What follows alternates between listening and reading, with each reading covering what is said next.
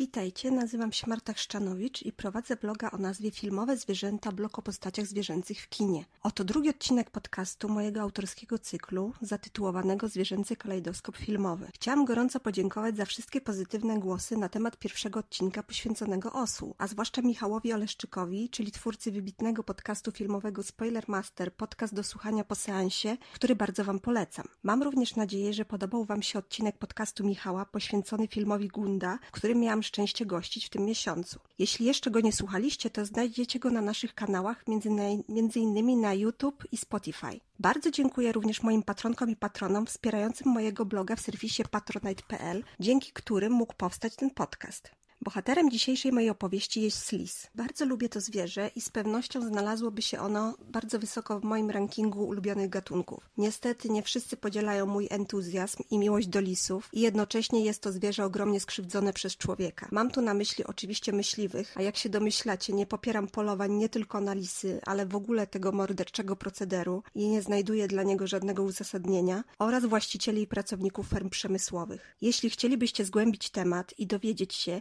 jakie dosłownie trupy w szafie a raczej w klatce kryją te miejsca, bardzo Was zachęcam do zapoznania się z doskonałym raportem o objętości ponad 100 stron o nazwie Raport na temat przemysłu futrzarskiego w Polsce, który jest okraszony zdjęciami wykonanymi na tychże fermach. Przygotowała go Fundacja Międzynarodowy Ruch na Rzecz Zwierząt Viva w 2017 roku, a raport możecie za darmo pobrać w sieci ze strony jutrobędziefutro.pl. Na marginesie dodam, że współpracuję z magazynem Wege związanym z tą organizacją i od czasu do czasu możecie w tym czasopiśmie znaleźć moje teksty. Linki do nich znajdziecie na mojej stronie internetowej w zakładce Moje publikacje. Niestety, pomimo y, starań aktywistów y, i nagłośnienia sprawy przez różne organizacje prozwierzęce, nadal futra z lisów mają wiele amatorek i amatorów. Na uszycie futra, jednego futra potrzeba od 7 do 14 skór lisów, czyli od 7 do 14 zwierząt, a na kurtkę od 4 do 8. Skór lisów używa się także do obszywania odzieży, także mm, jeżeli nie chcecie brać udziału w tym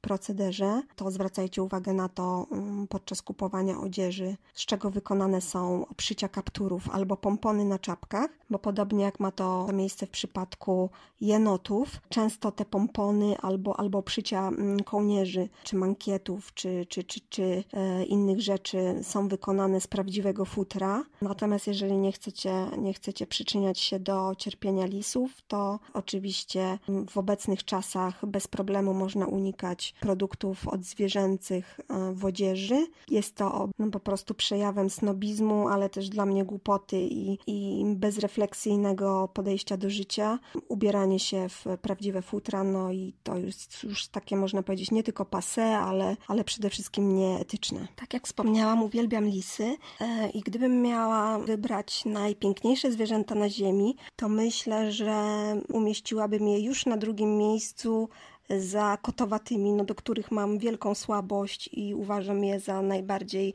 eleganckie i dostojne zwierzęta, ale lis, jeśli chodzi o psowate, moim zdaniem jest najpiękniejszy, najciekawszy i jego wygląd bardzo charakterystyczny. Nie pozostawia widza, który na nie patrzy obojętnymi, mam nadzieję.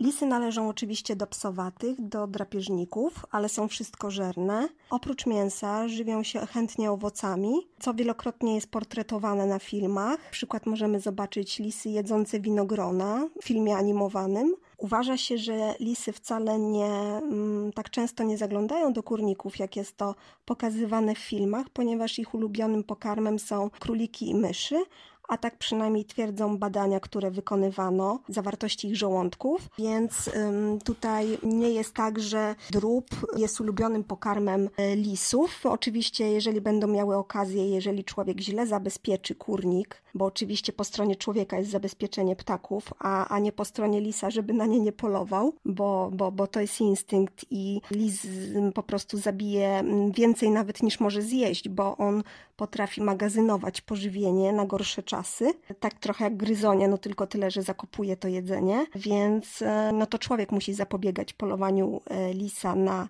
na drób poprzez y, ochronę swoich ptaków, a nie poprzez strzelanie do lisów i, i wytruwanie ich trutkami. Lisy, podobnie jak inne psowate, porozumiewają się y, w wieloraki sposób, to znaczy zarówno znakują y, zapachem. Swoje terytorium, są bardzo terytorialne, porozumiewają się oczywiście za pomocą również mowy ciała. I tak uszy stulone po bokach głowy wyrażają podporządkowanie, położone do tyłu na płasko agresję, to też jest wspólne dla, dla lisa i dla kota na przykład. Pochylona głowa, wyciągnięta szyja oznacza przyjacielskie pozdrowienie, a wysoko uniesiona, nieruchomym spojrzeniem, wygiętą szyją i wargami um, uniesionymi, e, tak by pokazać zęby, um, to u lisa sygnał agresji. Każdy lis posiada charakterystyczny dla siebie głos i może wydawać co najmniej 46 różnych dźwięków. W ten sposób lisy alarmują się o niebezpieczeństwie, nawiązują kontakty z przedstawicielami swojego gatunku i zaznaczają też swoje terytorium.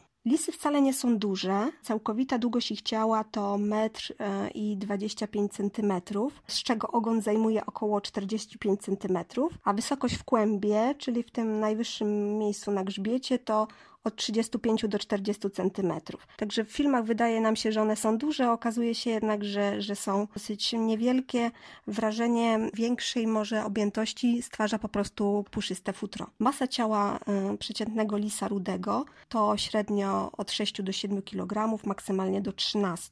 Lisy są jednym z najlepiej przystosowanych gatunków zwierząt e, na Ziemi i potrafią się świetnie adaptować do różnych y, warunków atmosferycznych i do różnych stref. I i są obecne zarówno e, w Europie, w Afryce, na Bliskim Wschodzie, w Azji, w Ameryce Północnej, w Japonii, w Chinach, w Australii, z czym, przy czym w Australii zostały introdukowane przez e, człowieka, brytyjskich konkretnie kolonistów, którzy chcieli sobie po prostu poszczelać do lisów i kontynuować swoją jakże krwawą tradycję na kontynencie australijskim. Jeśli chodzi o e, siedliska, to lisy żyją e, oczywiście w lasach, polach, na łąkach, ale też na preriach, w górach, tundrach, na wybrzeżach, półpustyniach i w miastach. Wbrew pozorom widok lisa na plaży nie jest niczym niezwykłym, bo zdarza się, że lisy łapią ryby. Długość ciąży to 51-53 y, dni. Średnio w miocie występuje od 5 do 12 młodych, zwykle jest to 5-6 młodych, przy czym u lisów jest bardzo wysoka śmiertelność i jeżeli z 6 młodych do roku życia przeżyją dwa, to, to jest to duży sukces. Niestety średnio lis w naturze żyje 3-4 lata, a krytyczne, takie trudne do przetrwania lata to jest od pierwsze dwa lata jego życia. Jeżeli przetrwa te pierwsze dwa lata, jego szanse znacznie rosną. Oczywiście zagrażają młodym y, różne choroby, drapieżniki, y, człowiek. Maksymalnie w naturze lis mógłby żyć 12 lat. Lisie matki są bardzo oddane dzieciom. Przez pierwsze dwa tygodnie życia młodych nie wychodzą z nory i wtedy samiec przynosi pożywienie. Oczywiście, jeżeli mm, samcowi coś się stanie, no to, to lisia rodzina duże y, kłopoty. Mm, młode wychodzą w 4-5 tygodniach na, na świat przed norę i powoli zaczynają eksplorować otoczenie, przy czym podobnie jak inne zwierzęta różnią się osobowościami. Zawsze w miocie jest osobnik bardziej odważny, bardziej tchórzliwy. Oczywiście naj, najsłabsze w miocie zawsze są najmniejsze i mają najmniejsze też szanse niestety na, na przeżycie, więc tutaj jest to, jest to bardzo zróżnicowane. Młode lisy wyróżnia też zupełnie inne ubarwienie, są prawie czarne, takie ciemnobrązowe i w pierwszym okresie życia mm, no, nie bardzo przypominają późniejsze lisy. Ogon lisa spełnia bardzo ciekawe funkcje. Z jednej strony jest e, narządem równowagi, pozwala również lisowi obracać się w bardzo szybki sposób, elastycznie zmieniać kierunki e, ruchu. Natomiast w zimie ogon po prostu, co ciekawe, spełnia e, rolę szalika, można powiedzieć, dlatego że albo kołderki, ponieważ lis zwijając się ciasno w kłębek, tak jak nasze koty, i rzeczywiście, mimo że lisy i koty nie są spokrewnione, to jest troszeczkę e, takich zachowań, na przykład podczas polowania, e, ruchów wykonywanych e, w sekwencjach łowieckich, które, które koty przypominają. I lis owija się tym ogonem ciasno, zakrywając nos i, i pysk, więc tutaj ten ogon pełni bardzo ważną rolę i pozwala um, utrzymać mu ciepło. Głównym zmysłem e, lisa jest słuch. Jego uszy mają bardzo dużą ruchliwość małżowin usznych, więc doskonale lokalizuje źródło dźwięku również pod e, ziemią i potrafi e, określić mm, skąd ten dźwięk pochodzi. Węchem posługuje się dopiero kiedy już chwyta zdobycz, ale wzrok już ma znacznie słabszy, podobnie jak inne drapieżniki. Jeśli chodzi o sposób polowania lisów, lisy podobnie jak e, koty potrafią się przyczajać czy skradać. Natomiast bardzo charakterystyczne jest ich polowanie w momencie, kiedy e, gryzoń znajduje się pod ziemią. Lis wtedy kieruje małżowiny uszne ku dołowi, stawia je maksymalnie na, na źródło dźwięku. Następnie, upewniając się, w którym miejscu pod ziemią znajduje się gryzoń, wyskakuje w powietrze, odbijając się na tylnych łapach i można powiedzieć nurkuje e, głową w dół, uderzając przednimi łapami. E, I ten wyskok taki charakterystyczny stosują zarówno lisy rude, jak i lisy polarne. I to jest takie jedno z najbardziej charakterystycznych lisich zachowań. Lis srebrny to tak naprawdę odmiana melanistyczna lisa rudego, czyli nie jest, to, nie jest to odrębny gatunek, jest to po prostu inny kolor futra, w podobnej zasadzie jak jaguary występują w ubarwieniu klasycznym i w melanistycznym, czyli, czyli czarne. E, natomiast lis mieszany to połączenie lisa rudego ze srebrnym i w wyniku tego futro ma ciekawy mm, dwukolorowy wzór, taki można powiedzieć trochę patchwork. Jeśli chodzi o klasyfikację lisów, o ich gatunki, podgatunki czy rasy, w różnych źródłach można znaleźć różne informacje. Mówi się o 30 gatunkach e, lisów. Część e, odmian barwnych zwłaszcza została stworzona przez człowieka oczywiście tylko i wyłącznie ze względu na uzyskanie e, nie pojawiającego się w naturze koloru futra, na przykład lis niebieski. Jeśli chodzi o lisa polarnego, zwanego pieścem. E, jest on mniejszy od e, lisa rudego. Ma też inną budowę, jest taki bardziej okrągły, można powiedzieć, krępy. Ma bardzo gęstą e, sierść. Co ciekawe, ona zimą jest biała, natomiast w okresie letnim e, zmienia kolor na jasno-brązową albo szarą i ten moment e, wymiany tego futra jest dosyć zabawny, bo lisy wtedy wyglądają jak taka rozczochrana, można powiedzieć, szczotka i, i ten puch wygląda trochę tak jak wymiana piór na, na pisklęciu, więc, więc to jest dosyć zabawny widok. Są bardzo odporne na, na zimno, żyją w okolicach koła podbiegunowego. No zimą mm, mają problemy ze znalezieniem pokarmu, więc żywią się też padliną. W tym celu podążają za niedźwiedziami polarnymi i po prostu dojadają po nich resztki. Na podstawie zachowania niedźwiedzia, polar, niedźwiedzia polarnego orientują się gdzie jest źródło pokarmu i gdzie warto y, się udać. Na wiosnę y, chętnie żywią się lemingami i ptakami morskimi oraz oczywiście jajami, które podbierają, narażając się na ataki ptaków y, z gniazd. Jeśli chodzi o lemingi, mówi się, że lemingi co 4 lata mają wzrosty populacji i wtedy też wzrosty populacji mają lisy, bo po prostu łatwiej jest im wykarmić młode, bo tego pożywienia jest pod dostatkiem. Kolejnym lisem, o którym chcę opowiedzieć, jest e, fenek, najmniejszy przedstawiciel tych zwierząt, e, zwany też lisem pustynnym. Jego masa ciała to tylko 1,5 kg i e, mierzy 50 cm długości. Jest więc mniejszy od większości kotów. Jego cechą mm, wyróżniającą są olbrzymie uszy, które, których długość dochodzi nawet do 15 cm. Włosy na ciele ma w kolorze takim kremowo-piaskowym z, z dodatkiem szarego. Prowadzi nocny tryb życia. W dzień jest oczywiście na pustyni za gorąco, więc, więc wtedy się chowa, ale jest to lis bardzo społeczny. Mm, żyje w takich grupach rodzinnych, w norach wykopanych w piasku tam nawet 10 osobników może przebywać. Mm, jest dosyć odporny na brak wody, no ale kiedy uda już mu się znaleźć źródło wody, to, to, to chętnie pije, można powiedzieć, na zapas. Lis ten jest ujęty w konwencji waszyngtońskiej, ponieważ jego liczebność wskazuje tendencję spadkową. Występuje w Afryce i na Półwyspie Synaj. Lis wirginijski, to jak sama nazwa wskazuje, lis um, północnoamerykański. Jest wszystkożerny, jest mniejszy od e, lisa e, rudego. Jego masa ciała to 6 kg. Charakteryzuje go szare futro. Aktywny jest podobnie jak e, reszta lisów o zmierzchu i nocą. Dobrze wspina się na drzewa, dlatego czasem się go nazywa lisem nadrzewnym.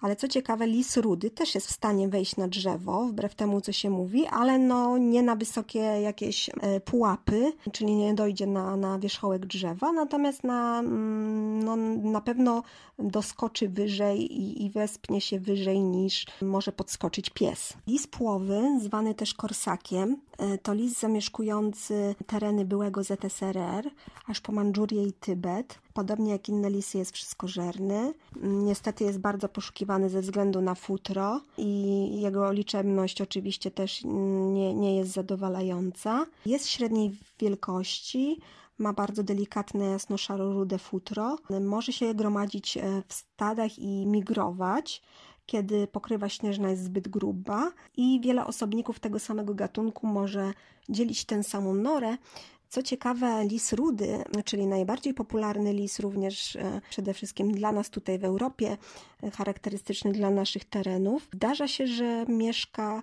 e, dzieli swoją norę z borsukami, i o dziwo te zwierzęta mogą żyć, mm, koegzystować w pokoju, nie przeszkadzając sobie zajmować się swoimi sprawami. I też zostało to jakby zobrazowane w jednej z bajek dla dzieci, która nazywa się Jak borsuk z lisem i to jest seria właśnie poświęcona koegzystowaniu borsuków z lisem, seria animowana, gdzie mm, razem w jednej norze mieszkają lisy i borsuki, przeżywają różne przygody, ale się przyjaźnią i tutaj nie dochodzi do jakichś starć. Lis tybetański z wyglądu może bardziej przypomina wilka niż lisa. Ma takie trochę niepokojące, ostre, groźne rysy e, twarzy. Występuje, jak sama nazwa wskazuje, w Tybecie, e, w Nepalu i w środkowych Chinach. Żywi się gryzoniami, ptakami, królikami. Jest średniej wielkości, jest bladoszary albo piaskowy, mm, dobrze mm, kamufluje się w otoczeniu. Mieszka w skałach, zakłada nory mm, pośród skał. E, czasami podobnie robią lisy polarne. Żyje na wysokich płaskowyżach do wysokości aż uwaga 4000 metrów nad poziomem morza. Z innych gatunków chciałam jeszcze wspomnieć lisa wielkouchego, który przypomina trochę fenka. Nie ma natomiast takich e, słodkich, olbrzymich, wielkich uszu. Uszy ma mm, bardziej proporcjonalne do, do reszty ciała. Natomiast fenka może przypominać troszkę i, i masą ciała, i ubarwieniem, bo jest taki rudo, rudo e, szary. Jest bardzo też podobny do lisa płowego. Lis wielkouchy poluje na kanguro, szczury i króliki, a mieszka w południowo-zachodniej części Stanów Zjednoczonych i północno-zachodnim Meksyku, na stepach i pustyniach i jest to zwierzę nocne. Jeśli chodzi o symbolikę lisa, jest ona dwojaka. W literaturze pojawił się bardzo wcześnie, bo już w VI wieku przed naszą erą, e, ponieważ był jedną z, główną, z głównych postaci wielu bajek Ezopa. Później e, lisie wątki przejął e, Fedrus, bajkopisarz łaciński, a w XII-XIII wieku e, postać Lisia pojawiła się w anonimowym dziele pod tytułem Roman de Renard, e, które składało się z 27 opowiadań, których Lis był ucieleśnieniem e, oszusta, który walczył ze swoim wujem Isen Greenem, który był co ciekawe wilkiem. Przez całą powieść Renard skutecznie wyprowadza wuja dzięki swoim podstępom w pole, ale w końcu, y, no ponieważ ma mniejszą siłę fizyczną, no niestety y, musi, musi uznać jego y, pierwszeństwo. Jest to taka parodia społeczeństwa średniowiecznego, ponieważ mm, ilustrowała stosunki panujące wtedy między ludźmi i oczywiście e, zwierzęta, tak podobnie jak w bajkach Ezopa, Krasickiego czy Fedrusa, mają mm, te bajki jakby drugie dno i zwierzęta tak naprawdę symbolizują przywary i cechy ludzkie. Powieść o Renarcie stanowiła inspirację dla innych autorów, z innymi Goethe napisał e, w XVIII wieku mm, również powieść. E, Lis pojawia się oczywiście też w bajkach La Fontaine'a i tam mm, też jest symbolem sprytu. E, oczywiście w języku potocznym mówimy sprytny jak lis, chytry jak lis, E, przebiegły jak lis i z, chyba z, taką, z takim sprytem, e, przebiegłością, chytrością najbardziej nam się lis kojarzy. No ale trzeba pamiętać, że spryt e, mimo wszystko jest, mimo że no, czasami jest wykorzystywany w niewłaściwych celach, jest jakimś tam przejawem inteligencji. Szkoda, że nie mówimy inteligentny jak lis, bo myślę, że byłoby to bardziej odpowiednie. Lis jest również mocno zakorzeniony w kulturze azjatyckiej i dla Japończyków jest symbolem płodności. Posągi lisa były umieszczane przy wejściach do świątyń, i, a w pyskach mają e, klucz do spichlerza z ryżem, albo kulę, która jest symbolem pokarmu. I wielu ludzi biznesu ma w domach ołtarzyk poświęcony lisowi, który ma zapewnić ochronę i pomyślność w interesach i dostatnie, życie, podobnie jak kot manekineko, znany w Japonii, ten biały kot e, machający łapką. Lis uchodzi także za posiadacza eliksiru życia i uważany jest za opiekuna, ma pełnić takie funkcje opiekuńcze, no ale z drugiej strony ma właśnie te, te cechy takie złodziejsko, sprytne i, i, i negatywnie oceniane przez ludzi i tak najczęściej rzeczywiście jest portretowany w filmach. W mitologii japońskiej wyróżnia się dwa rodzaje lisów. E, Zenko jest to lis posłaniec e, bogini. Lisy Zenko odpowiadają właśnie za strzeżenie mm, wejść do świątyń. E, drugim rodzajem jest kitsun. E, kitsun to po japońsku lis i to jest właśnie ten lis o dziewięciu ogonach, który e, stanowi pośrednika, posłańca pomiędzy światem ludzi a światem duchowym. Lisy, które napadają na kurniki, nazywa się po japońsku jako i to są te lisy, których ścieżki krzyżują się z ludźmi i które próbują człowieka oszukać i zakradają się do jego siedzib. Co ciekawe, Kolory lisów wiążą się również z symboliką i tak y, rudy lis y, wiąże się z energią życiową, również z jakąś taką sytuacją, która powinna nas zaalarmować. Natomiast biały lis jest symbolem głównie czystości, a szary neutralności.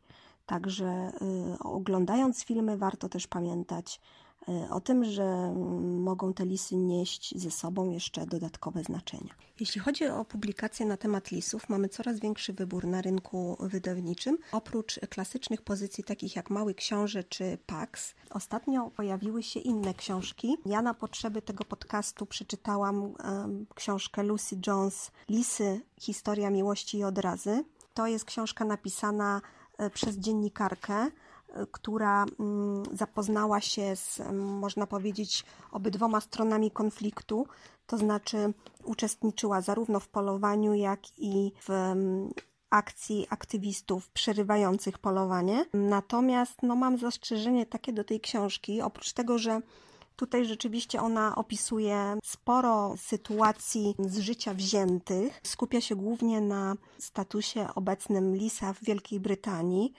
i też na lisach miejskich, tak zwanych, które wkraczają do miast oczywiście nie dlatego, że że chcą w tych miastach mieszkać, tylko dlatego, że miasta przesunęły się w kierunku ich siedzib, czyli tak naprawdę lis nadal jest na swoim terytorium, natomiast e, to człowiek jest ekspansywny inwazyjny i często też przywabia te lisy, nie, nie, nie dbając o śmieci i wyrzucając je gdzie popadnie, lub też celowo je karmiąc. I to zastrzeżenie, jakie mam do tej książki, jest takie, że no nie jest ona mimo wszystko dla mnie do końca wiarygodna i obiektywna, mimo że stara się być obiektywna i też dostała, co prawda, nagrodę za tą książkę, natomiast nie do końca jest dla mnie wiarygodna osoba, której dziadek był myśliwym i mimo wszystko, mimo że mm, stara się ona spojrzeć na te lisy przychylnym okiem, to gdzieś tam jej nie wierzę i mm, tak, z takimi mieszanymi uczuciami pozostawiła mnie ta lektura, natomiast no oczywiście mm, możecie do niej sięgnąć. Została wydana w serii Eko, w wydawnictwie Marginesy. Całą tą serię zresztą polecam. Bo możecie w niej znaleźć mm, dużo mm, pozycji na, na temat zwierząt. A drugą taką książką, którą ostatnio też przeczytałam, i to jest w zasadzie też, można powiedzieć, na poły ilustrowany album, to jest książka Life'a Magnusa Grete i Silje Elin y, Matnisdal pod tytułem Ayla, lis, który oczarował świat i opowiada o słynnym swego czasu social mediowym lisie, raczej lisicy, którą wychowywała kobieta w Norwegii. Długo jej nie wychowywała, ponieważ po roku czasu lis już zginął i to oczywiście też było e, źródłem takiego międzynarodowego poruszenia, kiedy najpierw był poszukiwany, a później po kilku tygodniach okazało się, że, że Lis został znaleziony martwy. Więc w zasadzie książka rozpoczyna się od końca i od razu wiemy, że, że, że coś się stało złego i mimo tego, że miała być to radosna publikacja, to jest to mm, tylko jakby przywołanie życia tego lisa. Mm, to, co jest najcenniejsze w tej publikacji, to przepiękne zdjęcia lisicy w środowisku naturalnym. Natomiast również mam do tej książki zastrzeżenia, głównie do jej opiekunki, która bardzo niefrasobliwie uważam podeszła do tego. To znaczy, najpierw, e, można powiedzieć, zamówiła sobie tego lisa na fermie lisiej, ponieważ jako dziecko wychowywała lisa i stwierdziła, że chce sobie mieć liska w domu. No ja nie popieram takiego, takiej postawy i uważała, że mm, no, dokonała wielkiego czynu, bo uratowała go z przemysłu futrzarskiego. No ale oczywiście wybrała go z miotu, więc reszta lisów została zabita na futra. To jest lis rudy. Natomiast to jej podejście takie mm, bardzo można powiedzieć lekkomyślne, też to jak dopuściła do zaginięcia tego lisa, w dość taki, no, mm, można powiedzieć, głupi sposób. Pozostawiło mnie z takim niesmakiem po tej lekturze. Oczywiście miłośnicy lisów powinni zajrzeć do tej książki, natomiast ta książka pozwala się zastanowić nad nad relacjami ludzi i lisów, tak jak i poprzednia pozycja, o której wspomniałam. Z mojego antropozoologicznego punktu widzenia, no to te książki bardzo dobrze udowadniają to, że te relacje są co najmniej niepoprawne, pięte, cały czas status lisa jest w zagrożeniu, cały czas lisy muszą się obawiać człowieka, człowiek cały czas ma wobec nich jakieś um, niecne zakusy, nie szanuje tych zwierząt, a jeśli szanuje, to, to, to jest to bardzo mały odsetek ludzi, którzy na przykład odratowują rzeczywiście lisy mm, z ferm futrzarskich i zakładają azyle, ale, ale takich osób jest mało. Natomiast jak najbardziej jestem przeciwna posiadaniu lisów w domu jako zwierzątek domowych. To jest zwierzę dzikie, nie powinno być przetrzymywane w takich warunkach. Jeśli już to Oczywiście, jeżeli znajdziemy ranne zwierzę, trzeba mu udzielić pomocy, zadzwonić po odpowiednie służby, oczywiście nie do myśliwych i wtedy, kiedy mm, jest konieczna rehabilitacja takiego zwierzęcia, oczywiście musi ono przebywać e, e, w zamknięciu, natomiast jak najszybciej to możliwe powinno być przywracane naturze i e, wolności. Jeśli chodzi o lisy, e, rozdział poświęcony lisom pod tytułem Lisica znajdziecie również w książce Molly Burkett pod tytułem Lisy, Sowy i reszta. Tę książkę wydała nasza księgarnia. Oryginalnie powieść mm, była wydana w 1977 roku. Ja mam wydanie z 1981 roku i tutaj rozdział poświęcony lisicy zawiera opis rehabilitacji lisicy, która przebywa w obejściu autorki, która udzielała z rodziną pomocy rannym zwierzętom leśnym. W tej książce są rozdziały poświęcone oczywiście innym zwierzętom, na przykład e, zaskrońcowi, drozdowi, borsukowi, czajce, jeżowi, królikowi, więc różne gatunki ona tutaj opisuje w taki sposób, no można powiedzieć, na poły laicki, na poły przygodowy, ale jest, można powiedzieć, źródło, zapis też wiedzy i spojrzenia człowieka na ten gatunek, więc też można do tego sięgnąć.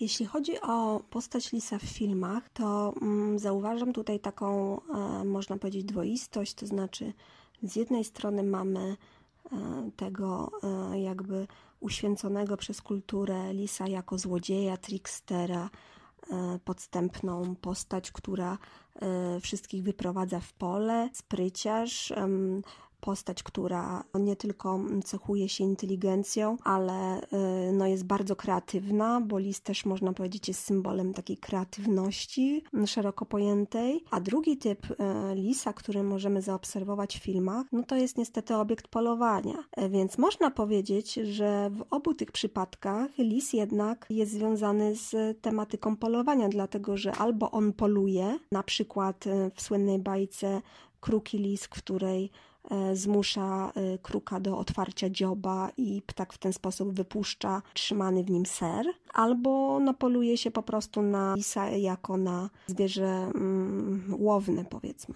Co ciekawe, kolory lisów wiążą się również z symboliką i tak e, rudy lis wiąże się z energią życiową, E, również z jakąś taką sytuacją, która powinna nas zaalarmować. Natomiast biały lis jest symbolem głównie czystości, a szary neutralności. Także y, oglądając filmy warto też pamiętać E, o tym, że mogą te lisy nieść ze sobą jeszcze dodatkowe znaczenia. Powieść o lisie z roku 1930 zaliczyłam do filmów polskich w zasadzie tylko i wyłącznie z racji reżysera e, tego filmu, którym jest Władysław Starewicz. Film został co prawda stworzony we Francji. Twórca ten działał e, dużo za granicą i zrobił go ze swoją żoną, więc mm, jakby tutaj ze względu na twórcę uznałam, że warto o nim wspomnieć jako takie, można powiedzieć, nasze dokonanie. Władysław Starewicz, urodzony w 1882 roku, a zmarły w 1965,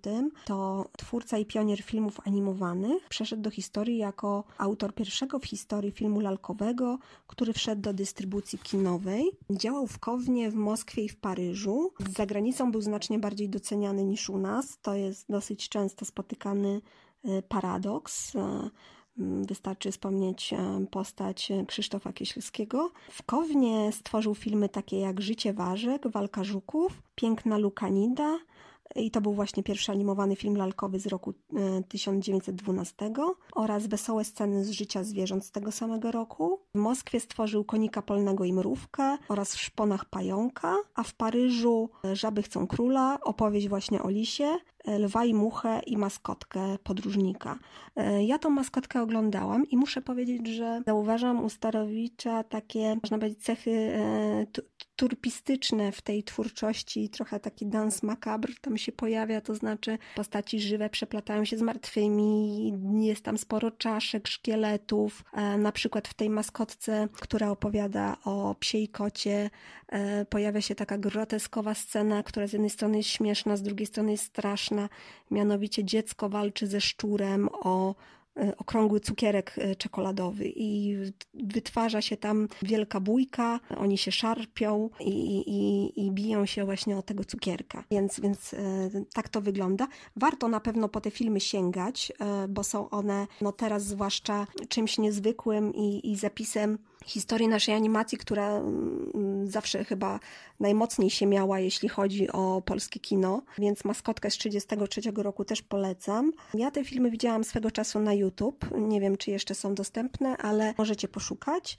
i w Maskotce właśnie też zobaczycie szkielety na przykład ptaka, ryby, więc, więc tutaj te elementy trochę takie oniryczne przenikają się z rzeczywistością. To wszystko jest takie tajemnicze, też trochę mroczne, więc warto się z tą twórczością zapoznać na pewno. Natomiast jeśli chodzi o opowieść o lisie, tutaj mamy bardzo skomplikowaną fabułę i też skomplikowane Y, postaci zwierzęce, które są bardzo drobiazgowo odtworzone. Jest bardzo dużo tych zwierząt, mm, jest dużo scen zbiorowych. Tak naprawdę mm, przytoczone zostają, można powiedzieć, legendy, wcześniej znane opowieści o lisie. Lis jest tutaj oczywiście mm, postacią negatywną, okrada wszystkie zwierzęta lub też robi im inne psikusy i mm, pokrzywdzeni udają się do króla, którym zawsze jest lew, oczywiście symbol i król zwierząt. Co ciekawe, pojawia się tu wątek ośli.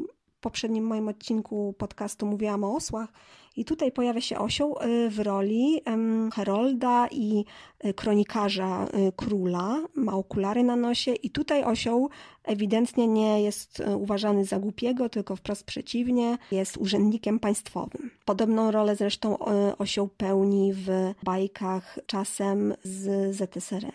Jeśli chodzi o opowieść o lisie. Jest tutaj dużo przemocy, dużo scen walk.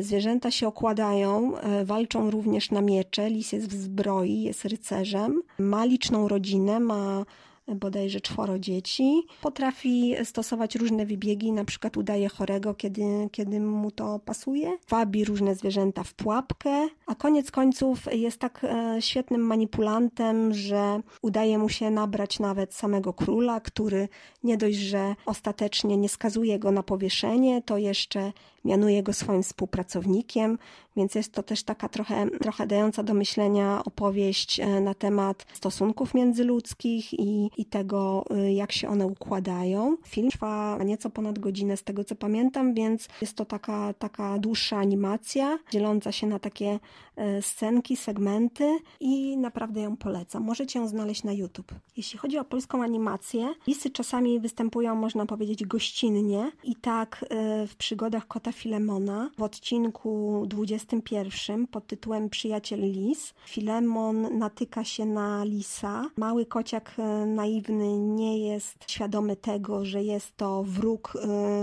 jego gospodarstwa i pomaga mu e, w zakradaniu się do do kurnika. Wydaje mu się, że lis jest jego przyjacielem. Lis oczywiście manipuluje kotem, w końcu go przy przywiązuje, jakoś go unieruchamia. Na szczęście Filemonowi przychodzą na pomoc Bonifacy i Szczeniak. Lis jest tutaj oczywiście chytry robi wszystko, żeby, żeby do tego kurnika dotrzeć. Podobnie lis przedstawiony jest w Reksiu, również w odcinku 21 pod tytułem Reksio Detektyw. I tutaj Reksio zaalarmowany skargami kur które przybiegają do niego po pomoc. Czatuje na, na lisa, który zakrada się do kurnika, porywa y, oczywiście w worze kury, y, również jajka i mm, co ciekawe w swojej noże, która jest, y, która ma taką jakby klapkę podnoszoną, ma no można powiedzieć kombinat, fabrykę to znaczy ma tam maszynę taką specjalną, gdzie, gdzie, gdzie, gdzie ta produkcja tych jajek, można powiedzieć, się odbywa. No i Reksio z nim, z nim walczy, też tam jest bójka z tym, z tym lisem, więc, więc to jest też taki typowe przedstawienie lisa właśnie w bajce dla dzieci, gdzie ten lis ma być czarnym charakterem.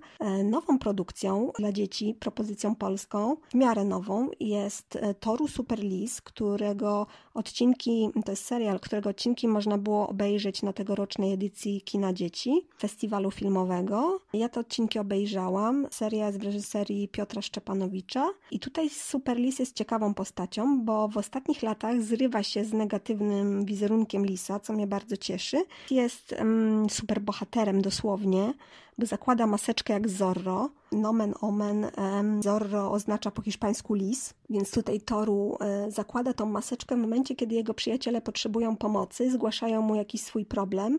Przyjaciele również zwierzęcy i e, tam występuje pies, kura między innymi. Też widzimy rodziców tego liska i on co ciekawe, mimo że jest super bohaterem, to posiada takie cechy, można powiedzieć, nie jest idealny, tak? To znaczy, jak na super bohatera, potrafi się przyznać do błędu, pokazuje e, innym zwierzętom, że że też ma swoje jakieś tam słabości, przywary, nie jest idealny i to jest też takie pouczające, że jest dobry, ale równocześnie potrafi e, przyznać się do jakichś swoich niedoskonałości. Producent tej serii mówił, że natknął się na mm, figurkę lisa z taką właśnie opaską na oczach na witrynie sklepowej czy w zakładzie fryzjerskim dla dzieci. I wydaje mi się, że pierwowzorem tej postaci był lis e, Swiper z serii o Dorze. To była seria animowana, ale też był film E, Dora i Złote Miasto i tam pojawiał się w filmie, e, w którym grali aktorzy, pojawiał się animowany lis taką właśnie niebieską przepaską. Tu widzę jakieś podobieństwa i być może, być może ta postać była pierwowzorem tej wersji dla dzieci. Jeszcze jednym e, przykładem, ale tutaj to już jest koprodukcja polsko-brytyjska, jest e, Odo, również w reżyserii Piotra Szczepanowicza, ale i Mikołaja Pilchowskiego. I to jest również e, seria filmów dla dzieci, krótkometrażowych, rysunkowych, opowiadająca o obozie takim w zasadzie harcerskim w środku lasu, ale dla ptaków. I to jest takie trochę, można powiedzieć, ptasie radio, ale nie wersja audio, tylko wideo. Mamy tutaj naprawdę szeroką paletę ptaków. Tytułowe Odo jest małą słówką, ale mamy tutaj też e, dudzie, tak, czyli, czyli samicę dudka.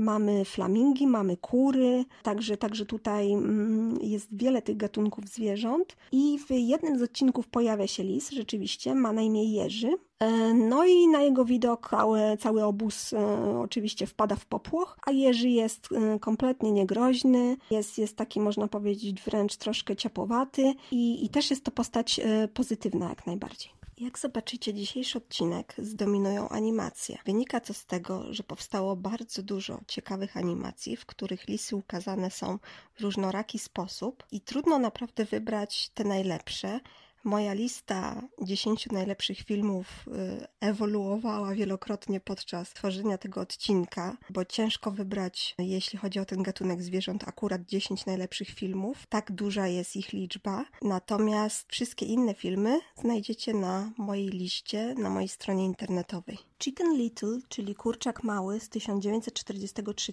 roku, w reżyserii Clyda Geronimi. E, to krótkometrażowy film Disneya stworzony podczas II wojny światowej, który oparty był na bajce Henny Penny. Co ciekawe, jest to film propagandowy, antynazistowski, ukazujący zło masowej histerii, a w histerię popadają tutaj oczywiście kury, które y, są atakowane przez lisa, ale w ostateczności i tak lis zwycięża i udaje mu się wszystkie kury zwabić do jaskini, gdzie y, szykuje sobie dużą ucztę. Bardzo podoba mi się lis w tej bajce. Jest, można powiedzieć, takim typowym e, wizerunkiem tego zwierzęcia, mm, o którym myślę, kiedy kiedy wyobrażam sobie e, filmowego lisa. E, jest, ma taką chytrą minę, zabawną, ale nie jest pozbawiony uroku mimo wszystko i warto e, do tej bajki powrócić. Lisy Pies z 1981 roku jest luźną adaptacją nagrodzonej powieści Daniela P. Manixa z 1967 roku pod tym samym tytułem. Jest to 24 animowany film Disneya.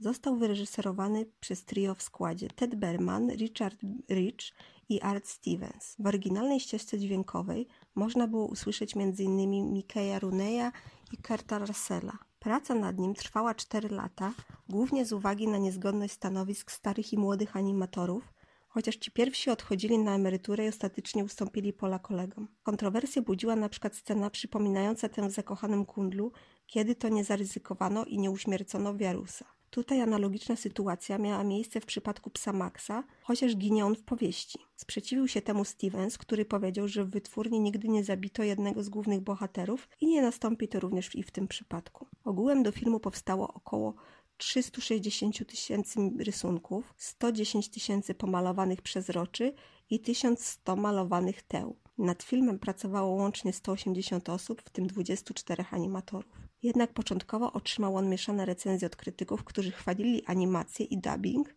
ale uważali, że film nie był wystarczająco przełomowy, chociaż uznano, że animacja jest lepsza od przeciętnej. Intuicyjnie jednak czujemy, że nie dorównuje on najlepszym filmom Disneya, chociaż w swojej książce poświęconej filmom tej wytwórni, czyli w The Disney Films Leonard Maltin stwierdził, że czasami zbliża się ona do starej magii Disneya pewnością jest to prawda, jeśli chodzi o osnute mgłą sceny rozgrywające się w lesie, a tła są naprawdę bardzo dobre.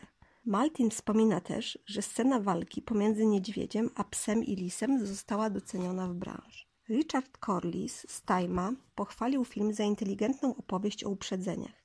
Jego zdaniem film pokazuje, że tendencyjne postawy mogą zatruć nawet najgłębsze relacje, a słodko-gorzkie zakończenie filmu dostarcza widzom potężnego i ważkiego przesłania moralnego. Roger Ebert, wyrocznia krytyki filmowej Stanów Zjednoczonych, ogólnie pochwalił film, zwracając uwagę na to, że mimo tego, że tworzyli go młodzi animatorzy, to stylem nawiązuje do animacji Disneya z lat 70. W swojej recenzji napisał Lizzie Pies to jeden z tych stosunkowo rzadkich filmów animowanych Disneya, który zawiera przydatną lekcję dla młodszej widowni.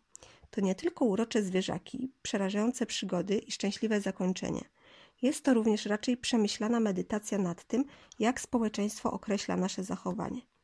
Po tym, jak zostają prawie zabici przez niedźwiedzia, następuje swego rodzaju pojednanie. Zdają sobie sprawę i być może dzieci na widowni też zdadzą sobie sprawę, jak szybko nasze lepsze impulsy mogą zostać zagłuszone przez szum społeczeństwa. Przesłanie nie jest uciążliwe i nie musi być, ponieważ lekcje w filmie są tak mocno zilustrowane życiem zwierząt. W końcu, w miarę dorastania psa i lisa, coraz wyraźniej na plan pierwszy wyłaniają się instynkty, a na psie dodatkowo spoczywa presja i oczekiwania pana, aby został najlepszym psem myśliwskim i zdetronizował w ten sposób starzejącego się Maxa. Główni bohaterowie filmu pojawili się jeszcze raz w sequelu zatytułowanym Lis i Pies 2 z 2006 roku. Film jednak w niczym nie dorównał już swemu pierwowzorowi i został nazwany bladą imitacją swojego poprzednika. Rzeczywiście oglądałam ten film i można powiedzieć, że jest fatalny e, wobec oryginału. Ponadto główne postacie stały się bohaterami komiksów. Nie jest to pierwszy film, w którym Disney umieszcza lisiego bohatera. Tutaj ma on na imię Todd. Wcześniej przedstawiciel tego gatunku pojawił się już w Pinokiu z 40 roku, a także w lisiej wersji przygód Robin Hooda z roku 1973. Miedziak, czyli pies myśliwski, to młody Bloodhound, prawdopodobnie skrzyżowany z Kunhundem, których jest pełno u Disneya, Powiedziałabym nawet, że za dużo, bo staje się to już zbyt monotonne. W końcu wcześniej pies tej rasy pojawił się w Zakochanym Kundlu i w 101 Dalmatyńczyków. W filmie występują ponadto dwie lisice, matka Toda, która ginie tak jak rodzicielka Bambi oraz samiczka Vixie, która podbije jego serce. Nie brakuje tu klasycznego disneyowskiego romansu zwierzęcego. Przechadzki przy księżycu jak w Zakochanym Kundlu i Królu Lwie – czy sceny na dachu w arystokratach. Poza tym mamy tutaj silną reprezentację ptaków pod wodzą matrony sowy, a także szaloną parę wróbla i dzięcioła. Wspomniany duet zawzięcie, ale i bardzo nieudolnie poluje na gąsienicę relaksującą się w swojej dziupli. W końcu ku zaskoczeniu ptaków udaje jej się przekształcić pięknego motyla. U sąsiadki wrednego myśliwego, który nie przebrając w ją zresztą obraża, znajduje się kwoka z kurczętami, a także krowa Adela. Scena, w której Todd pije mleko bezpośrednio ze strumienia skierowanego na niego, przypomina analogiczną scenę z Charlie'ego samotnego kukuara Disneya. W lesie widzimy motyla, kaczkę z kaczętami, pardwy podrywające się do lotu na dźwięk wystrzału ze strzelby, samice tego samego gatunku z młodymi, wiewiórkę, rodzinę szopów, praczy, gderliwego borsuka, a także moją ulubioną postać w tym filmie, rozczochranego Ursona Hipisa, który mówi do Toda tak na pana patrzę, proszę pana, i myślę, że mogę pana przenocować. Oprócz tego w filmie słyszymy dźwięki wydawane przez ptaki, świerszcze oraz szczekanie psów myśliwskich. Film nie ucieka od trudnych tematów i dwukrotnie zostają pokazane skóry martwych zwierząt w szopie myśliwego i na jego wozie. Pojawia się także kolosalny niedźwiedź, który jest ewidentnie demonizowany. Symbolizuje on grozę natury, ale i jej zemstę na tym, kto na nią zasłużył, czyli na wyjątkowo antypatycznym myśliwym, którego psy mieszkają w beczkach przywiązane sznurkami i które prawdopodobnie bije, sądząc po czołganiu się przed nim miedziaka. Scena, która mnie najbardziej chwyta za serce, związana jest z wypuszczeniem Toda przez starszą panią do rezerwatu, by w ten sposób ocalić mu życie przed żądnym jego krwi myśliwym.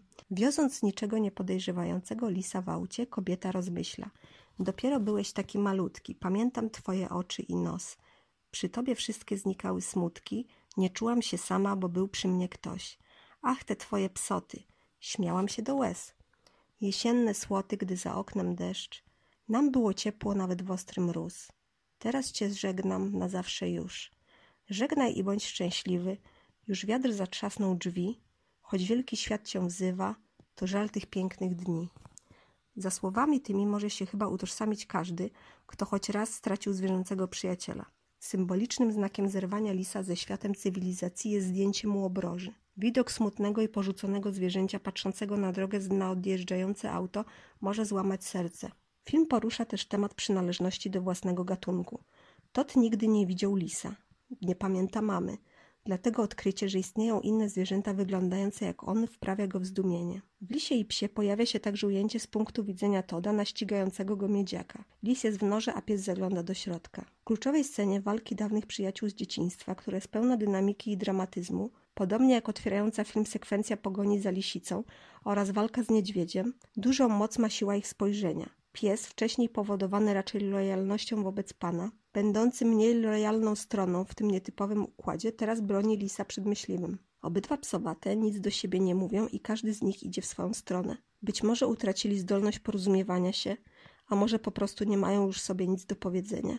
Jak na film Disneya, Alice i pies zawiera sporo scen przemocy, również agresji słownej, objawiającej się w potyczkach na linii kobiety-mężczyźni, czyli w parach starsza farmerka myśliwy i Wixie oraz Todd. Nie jest to z pewnością najweselszy film tej wytwórni, ale nie można mu odmówić wywoływania silnych emocji, wzruszeń, a także artystycznego, solidnego rzemiosła. Lisek Wuk z 1981 roku, e, którego reżyserem jest Attila Dargaj, to węgierska y, animacja pełnometrażowa opowiadająca o losach lisiej rodziny. Jest to niesamowicie smutny film, y, nie unikający y, tematu polowania, utraty rodziny, pełen emocji, bardzo fajnie zanimowany i bardzo Wam go polecam.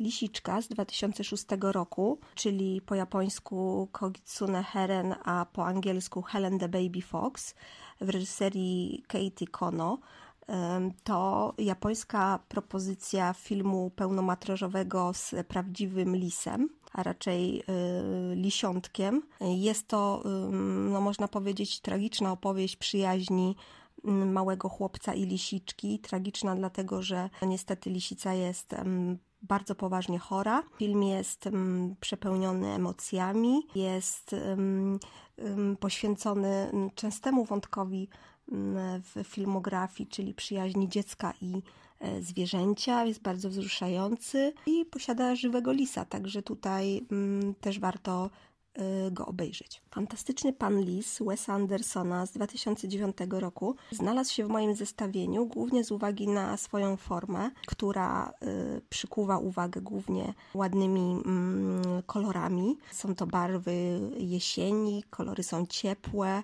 dużo jest tutaj żółtego, pomarańczowego, brązowego, a tematyka czyli walka z myśliwym, e, zwierząt, które starają się mm, ocalić swoje siedziby, e, przypominać może trochę wodnikowe wzgórze, natomiast zwierzęta ucharakteryzowane na ludzi starają się ludzi przechytrzyć. Są tutaj też wątki rodzinne. Jest to chyba najbardziej słynny film w moim zestawieniu.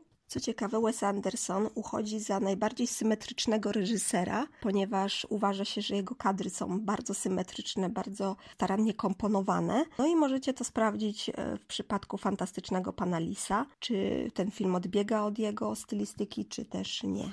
The Short Story of a Fox and the Mouse to francuski krótkometrażowy film animowany, który zachwycił mnie swoją formą. Bardzo przypomina film przyrodniczy. Występuje tutaj e, lis rudy i mysz, którzy mm, można powiedzieć bawią się w kotka i myszkę, natomiast e, w wyniku różnych perypetii okazuje się, że tak naprawdę się zaprzyjaźniły i oczywiście ganiają się, ale to jest bardziej zabawa niż walka o pokarm i o przetrwanie.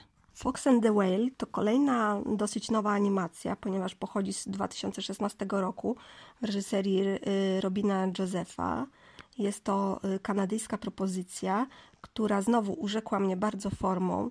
Lis jest y, nietypowo, można powiedzieć, zaprojektowany ponieważ ma trójkątną głowę i porusza się na dwóch nogach w taki e, no dosyć um, dziarski sposób. Chodzi na plażę, fascynują go wieloryby, bardzo pięknie są przygotowane tła. Jest to kolejna, można powiedzieć, uczta wizualna dla widza. Reven Onissen, czyli po norwesku Lis i Skrzat z 2019 roku w reżyserii Japraka Morali i Are Austnesa. To norweski film, e, który nawiązuje do ludowej e, przypowieści. Jest przepięknie zanimowany w takim oldschoolowym stylu, który ja lubię najbardziej. Lis jest e, no, niezwykłej urody, skrzat zresztą też jest bardzo sympatyczny.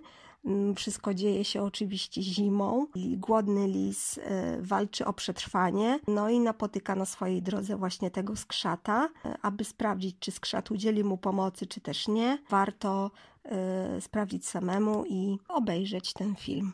Dive In to nietypowy przypadek, ponieważ jest to reklama. Chyba najpiękniejsza reklama, jaką w życiu widziałam. Dlatego umieściłam ją w moim zestawieniu. Występuje w niej lis polarny, który dosyć rzadko pojawia się w filmach w porównaniu z Lisem Rudym. Jest to reklama plecaka, dość nietypowa, ale ponieważ nazwa firmy y, łączy się z Lisem, więc y, obecność Lisa tutaj była jak najbardziej y, pożądana.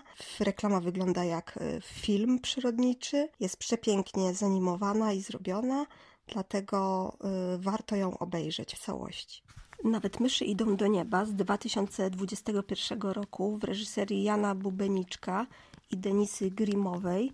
E, to koprodukcja, koprodu, koprodukcja e, czesko-francusko-polsko-słowacka. Jest to animowany film e, lalkowy, a połowa lalek, które zostały użyte przy jego produkcji, była wyprodukowana w Polsce. Konkretnie chodzi o myszy. Jest to opowieść o przyjaźni nietypowej znowu, ponieważ myśl o lisiej. Natomiast to też opowieść o tym, opresji, można powiedzieć, rówieśników. To znaczy, mysz musi udowodnić, że nie boi się lisa. Okazuje się, że obydwa zwierzęta spotykają się ponownie, natomiast są już w niebie. Dlaczego tam trafiły i mm, jakie przygody tam mają, warto sprawdzić samemu. Natomiast no, film urzekł mnie swoją przepiękną animacją. Dawno już chyba nie widziałam tak pięknego lisa z mm, pięknie podkreślonymi oczami, z pięknym futrem. Co ciekawe, warto wspomnieć, że w naturze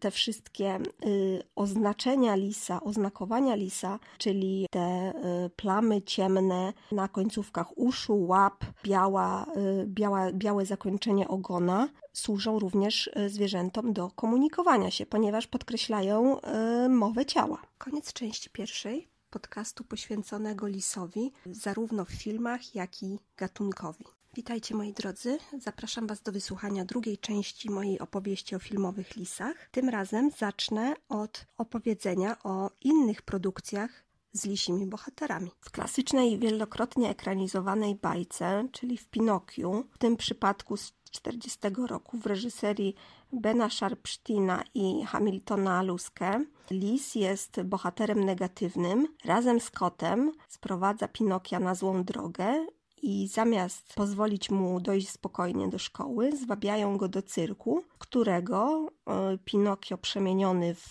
osiołka dotrze na wyspę dla niegrzecznych chłopców, chociaż tak naprawdę na nią nie dotrze, bo zostanie połknięty przez e, wieloryba. To kolejny list Disneya. Zresztą Disney e, stworzył więcej e, lisów. E, co ciekawe, zawsze te lisy są troszeczkę inne, więc nie, nie podążył prostym schematem, ale zawsze twórcy wyróżniali się kreatywnością i trochę te lisy się od siebie różnią. Enkluven World, czyli Divided World, czyli Podzielony Świat z 1948 roku. To szwedzki film e, w reżyserii Arne Edwarda Szygsdorfa, którego inny film za chwilę też omówię. Jest to e, dziesięciominutowe studium życia dzikich zwierząt w szwedzkim lesie. Gronosta lis, zając i sowa tropią się i dziko żyją, są fotografowane z niezwykłą żywością i intymnością. Jest to chyba najbardziej uderzające ze studiów nad zwierzętami Suxdorfa, mimo nagłego wstępu i zakończenia. Pojawiają się tutaj piękne zdjęcia gronostaja, który no nie jest najczęściej występującym gatunkiem zwierząt w filmach, więc warto go zobaczyć w środowisku naturalnym. Destora Aventure, czyli e, Wielka Przygoda z 1953 roku w reżyserii Arne Suxdorfa, to szwedzki film e, bardzo przypominający e, film przyrodniczy, ale jest to fabuła, w której biorą udział dzieci, które zajmują się wydrą, którą trzymają w domu.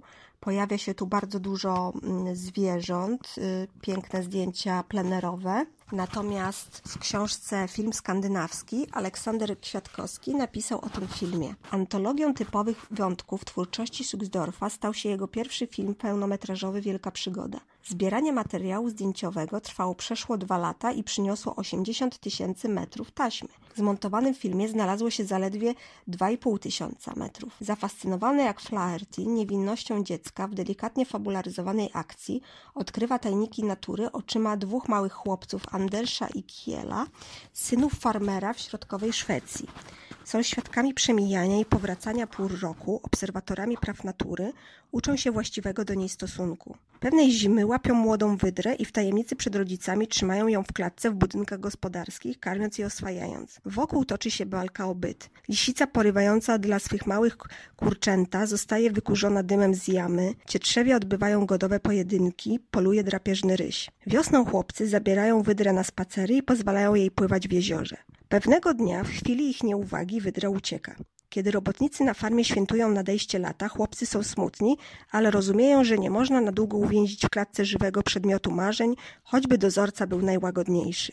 Ich końcowe pojednanie Młodszy zdradził przedtem rodzicom sekret wydry, ma wymowę symboliczną, podobnie jak obraz żurawi powracających znów na północ po zimowej migracji. Cykl biologicznego życia podporządkowany naturalnym zmianom klimatycznym, kamera Suchdorfa podpatruje z nieskończoną cierpliwością, rejestrując każde najbardziej nawet nieuchwytne uderzenie pulsu leśnej rzeczywistości. Wielka przygoda podbiła publiczność i krytykę, zdobyła nagrody na festiwalach w Cannes i Berlinie Zachodnim. Stała się też wzorem dla innych twórców. Lista Adriana Messengera z 1963 roku w reżyserii Johna Hustona to film ciekawy z wielu powodów. Ten czarno-biały obraz zaliczany jest do filmu noir, zaś fabuła koncentruje się wokół tytułowej listy, z którą wiąże się kryminalna intryga. Wątkiem zazwyczaj pomijanym w analizie filmu jest obecność zwierząt, e, a widzimy ich sporo. Na ekranie najwięcej jest koni. We wnętrzach dostrzeżemy figurki tych zwierząt. W scenach polowania i w psiarni pojawia się również sfora psów myśliwskich rasy Foxhound angielski. Ponadto w scenie z kataryniarzem oglądamy psa przebiegającego przez ulicę, a poza tym pudla oraz wyżła polującego na przypiórkę. Inni zwierzęcy bohaterowie to kot oraz lis, na którego się skutecznie poluje. Bardzo ciekawym i innowacyjnym wątkiem, a mówimy przecież o filmie z lat 60., jest zwrócenie uwagi na nieśmiały głos ze strony ruchu ochrony praw zwierząt, który swoje korzenie wywodzi z XIX-wiecznych organizacji. Wtedy to zaczęły powstawać pierwsze towarzystwa opieki nad zwierzętami. Prym wiodła w tym względzie Wielka Brytania. Zainicjowało je Królewskie Towarzystwo Zapobiegania Okrucieństwu wobec Zwierząt, RSPCA, założone w 1824 roku w londyńskiej kawiarni. Co ciekawe, druga tego typu organizacja na świecie powstała w Warszawie w 1864 roku i było to Towarzystwo Opieki nad Zwierzętami. TOS ufundowane na dwa lata przed utworzeniem amerykańskiego Towarzystwa Zapobiegania Okrucieństwu wobec Zwierząt, czyli ASPCA. W omawianym filmie sceny polowania na lisa towarzyszy postać starej kobiety trzymającej transparent postulujący zaprzestanie tej okrutnej praktyki. W scenie konfrontacji kobiety z dziedzicem, prowodyrem polowania, Zburzona kobieta wykrzykuje: Serca nie macie, co wam winne lisy? Protestuje przeciw tej nieludzkiej zabawie. Przecież zwierzęta są naszymi przyjaciółmi. Proszę to odwołać, co złego zrobiły panu lisy? Dziedzic oczywiście traktuje kobietę jako błąkaną fanatyczkę, a na jej argumenty ma jedno stwierdzenie. Człowiek z natury jest łowcą, a lis ofiarą.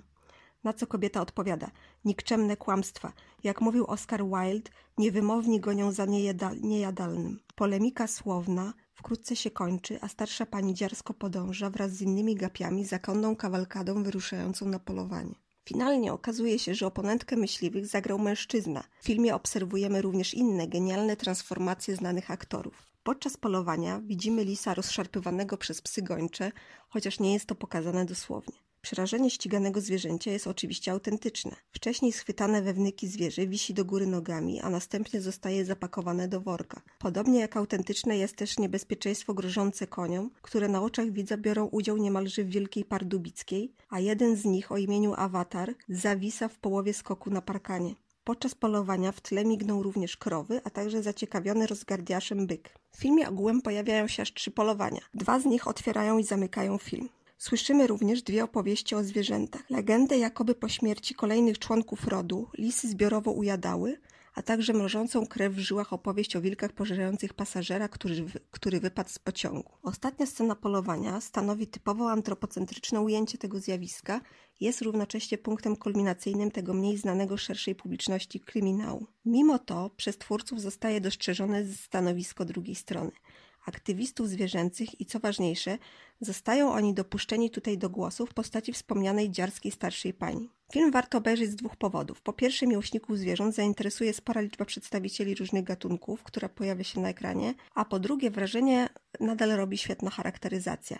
Oglądając film po raz pierwszy, naprawdę nie zorientujemy się, kto kryje się pod konkretnym przebraniem, a mamy tutaj bohaterów osobliwych i wyrazistych. Dowcipnym zabiegiem jest końcowe stopniowe odsłanianie się aktorów, którzy dosłownie puszczając do widza oko, doskonale się bawią swoją metamorfozą.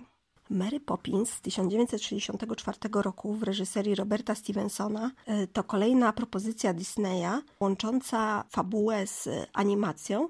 I tutaj właśnie w sekwencji animowanej pojawia się polowanie na lisa, które przyciąga uwagę e, Mary Poppins i jej towarzysza, e, kominiarza i udaje im się skutecznie lisa uratować. Lis z 1967 roku w reżyserii Marka Rydela to amerykański film pełnometrażowy. Tutaj pojawia się prawdziwy lis. Jest to adaptacja książki D.H. E, Lorenza. Ja czytałam to opowiadanie. No, tą książkę nie jest ona jakaś bardzo obszerna, natomiast e, tutaj przytoczę opis e, z filmu webu. Bohaterkami filmu są dwie młode kobiety, chorowita, gadatliwa Jill oraz cicha i mocna Ellen March, które próbują raczej bez powodzenia prowadzić kurzą fermę w Kanadzie.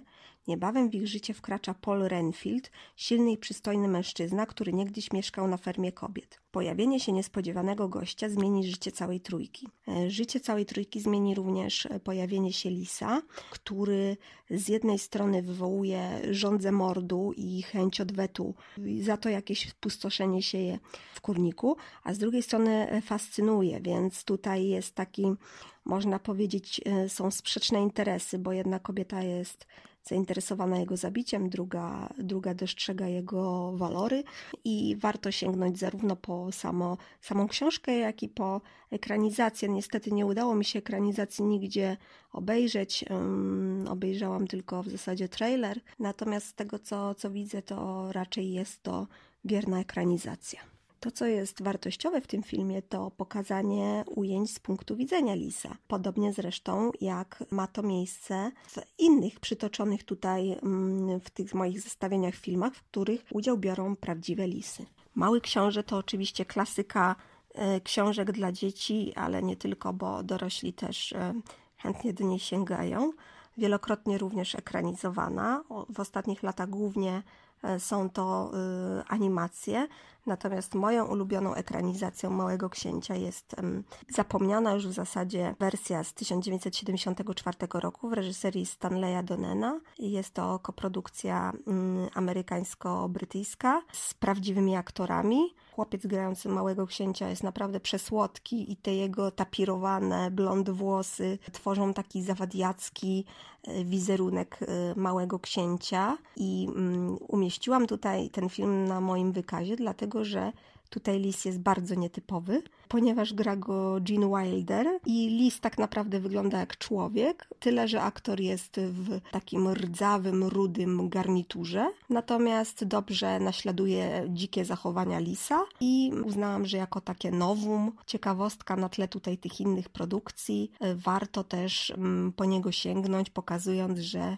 Lis nie zawsze wygląda jak Lis. Czasami człowiek może się wcielić w niego, w jego rolę i to nawet z powodzeniem. The Glacier Fall Fox z 1978 roku w reżyserii Koreyoshi Kurahary. To japoński film pełnometrażowy, połączenie dokumentu z fabułą. Można temu filmowi zarzucić, że tak naprawdę nic go nie różni od filmu przyrodniczego. Natomiast no nie jest to do końca prawda, ponieważ pojawia się ścieżka dźwiękowa i to nie tylko sama, sama linia melodyczna, tak jak to ma miejsce w typowych filmach przyrodniczych, ale są piosenki śpiewane przez wykonawców. Czasami są dosyć, można powiedzieć, kiczowate, łzawe, natomiast pojawia się też voiceover, który opowiada przebieg zdarzeń. Jest to historia rodziny lisów, której nie brakuje dramatycznych wydarzeń i zwrotów akcji. Śledzimy mm, rozwój e, młodych i pary e, lisów, która, która niestety mm, tutaj spoiler,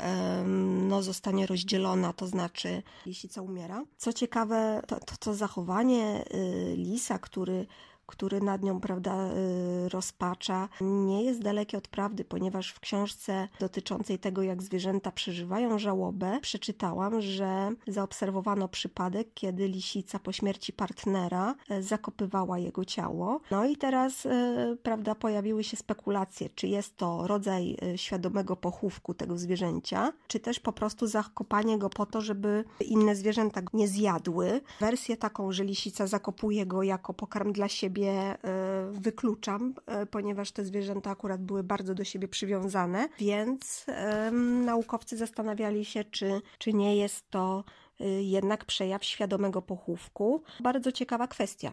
Mój przyjaciel Lis, reżyserii Luca Jacketa, twórcy nagrodzonego Marsza Pingwinów, to film, w którym narratorką jest kobieta, która opowiada synowi historię swojej przyjaźni z lisicą, którą nazywała Tuti. Opowieść o oswajaniu dzikiego zwierzęcia przywodzi na myśl małego księcia, Antoine de Saint-Exupéry, to tu padają słynne słowa jesteś odpowiedzialny za to, co oswoiłeś oraz Paxa Sary Pennepacker. W obu tych książkach również występują lisi bohaterowie. Film Żaketa pełen jest leśnych zwierząt. Mamy tutaj i dorosłe lisy, na przykład scena zalotów przy blasku księżyca, która jest magiczna, i trzyliesiątkę. Ponadto pojawiają się dziki, ryś, niedźwiedź, wilki, jeleń, sarny, dwa borsuki, jeż z młodymi, wiewiórka, żeneta, myszy. Świat ptaków też jest bogato reprezentowany. Widzimy dudka, kruka, kowalika, puchacza. W ścieżce dźwiękowej słychać ponadto sikorki, dzięcioła, kukułkę i srokę. Płazy reprezentują salamandra plamista i żaby. Pierwszą część filmu ogląda się niczym film przyrodniczy. Na tle przepięknych okoliczności przyrody rozgrywają się sceny z lisiego życia. Mamy więc tutaj i wspomniane zaloty i polowanie na gryzonie,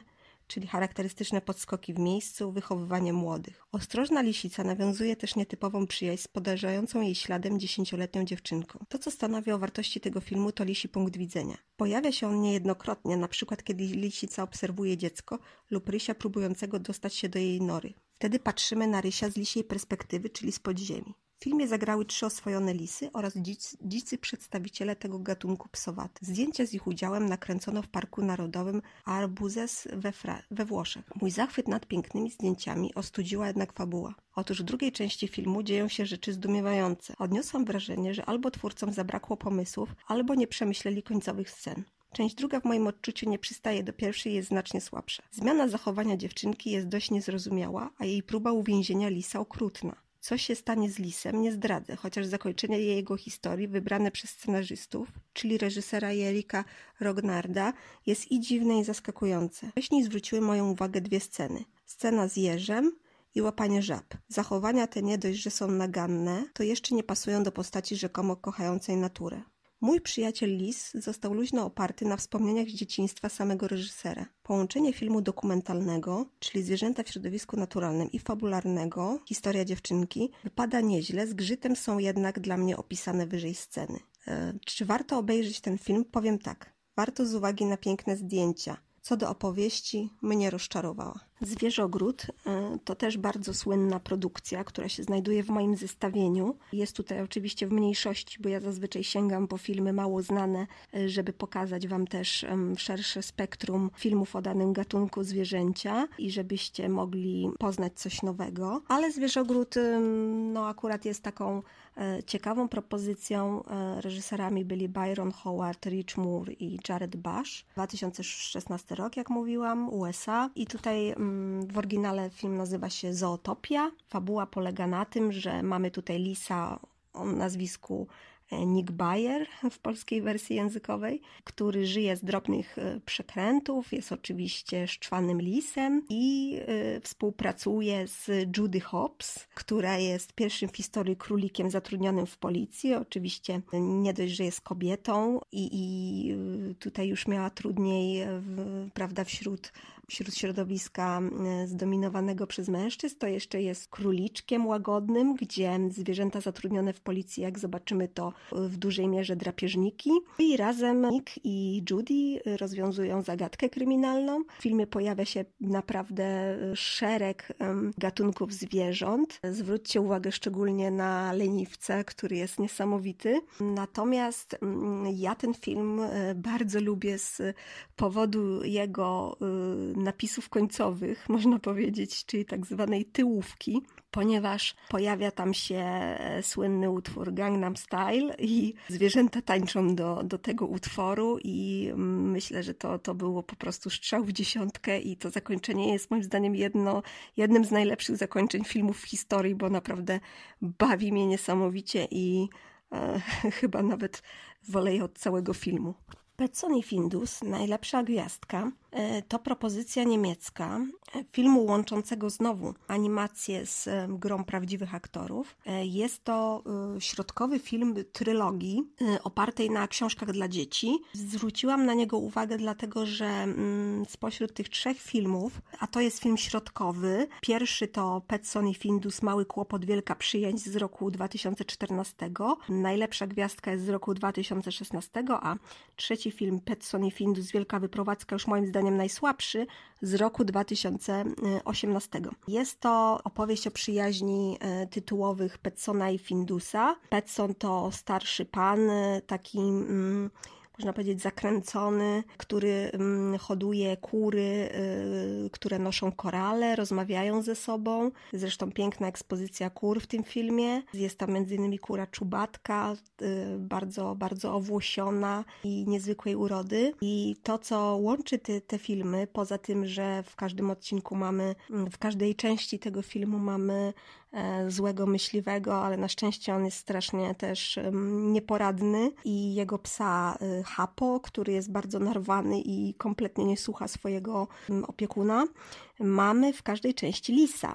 Jest to lis rudy, lis jest też przecudnej urody. Występuje w epizodach, zazwyczaj skrada się przez podwórko, zagląda przez okna, straszy kury oczywiście, które na jego widok dostają palpitacji serca. Petson i Findus czasami próbują go przegonić, ale robią to raczej takimi metodami mało inwazyjnymi, także lis tutaj trzyma się na uboczu, ale yy, mimo, że ma mniejsze znaczenie, to pięknie ubarwia ten film podobnie jak Sowa Śnieżna, która występuje w tej części, czyli w najlepszej gwiazdce. Scenografia do tego filmu jest bajeczna, pełna śniegu, mrozami, które, których już można powiedzieć najstarsi górale nie pamiętają, chociaż ja jeszcze pamiętam. Tutaj no, pięknie się wkomponowuje, y, y, okrada myśliwego z ryby, którą on łowi w przeręblu. Są tutaj różne zabawne sytuacje w każdej części przygód y, Petsona i Findusa. Petson wielokrotnie robi jakieś fikołki, przewraca się. Findus ma, ma duży urok, jest takim kotem, chłopcem, w takich spodenkach na jednej szelce. Psoci, ale, ale ma duży urok i bardzo Wam polecam wszystkie te trzy filmy, ale z jakby z naciskiem na najlepszą gwiazdkę, bo ona jest najpiękniejsza wizualnie. Wielki Zły Lis i inne opowieści z 2017 roku w reżyserii Patryka Imberta i Benjamina Renera. To francusko-belgijska produkcja. Trafił na moje zestawienie, ponieważ bardzo rozbawiła mnie ta bajka. Jest to w zasadzie y, przedstawienie teatralne składające się z trzech aktów, a raczej z trzech opowieści o zwierzętach. Głównymi bohaterami są lis, y, kura, wilk, prosiaczek, który jest bardzo, bardzo fajną postacią. Co prawda jest y, dużo przemocy, co można zarzucić temu filmowi, natomiast postaci są bardzo fajnie zanimowane. Podoba mi się stylistyka tego filmu. Taka troszeczkę na poły komiksowa. Trochę przypomina ten film stylistyką e, kreskówki z Kotem Simonem takie mam skojarzenie. I e, lis tutaj kreuje się na, na groźnego drapieżnika, natomiast nie może dorównać w tym względzie wilkowi, którego się obawia i który też można powiedzieć jest jego szefem. I mimo swoich starań nie, nie, nie straszy zwierząt e, swoją aparycją, tak jakby tego chciał.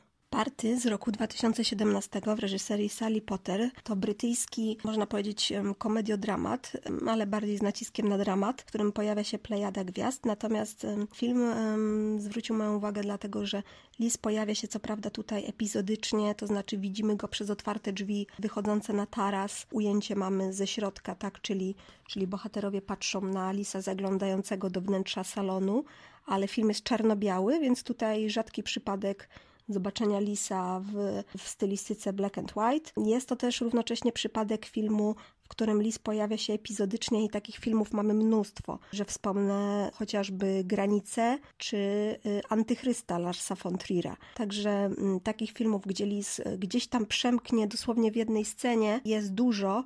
Można też wspomnieć o Tajemniczym Ogrodzie y, Agnieszki Holland. Lubię tą ekranizację, natomiast mimo, że akcja dzieje się w większości w Wielkiej Brytanii. Zaskakujące jest to, że list tam dosłownie przemyka przez ekran dosłownie tylko dwa razy, gdzie jest to zwierzę? No, niesamowicie związane z, e, z Wielką Brytanią, e, czołowy drapieżnik tego kraju, więc to jest zaskakujące, że tak małą e, część filmu oddano właśnie do dyspozycji temu zwierzęciu. Felek i Tola z 2019 roku w reżyserii Maszy Halberstadt, Toma van Gisela to belgijsko-holendersko-luksemburska koprodukcja. Jest to serial animowany dla dzieci.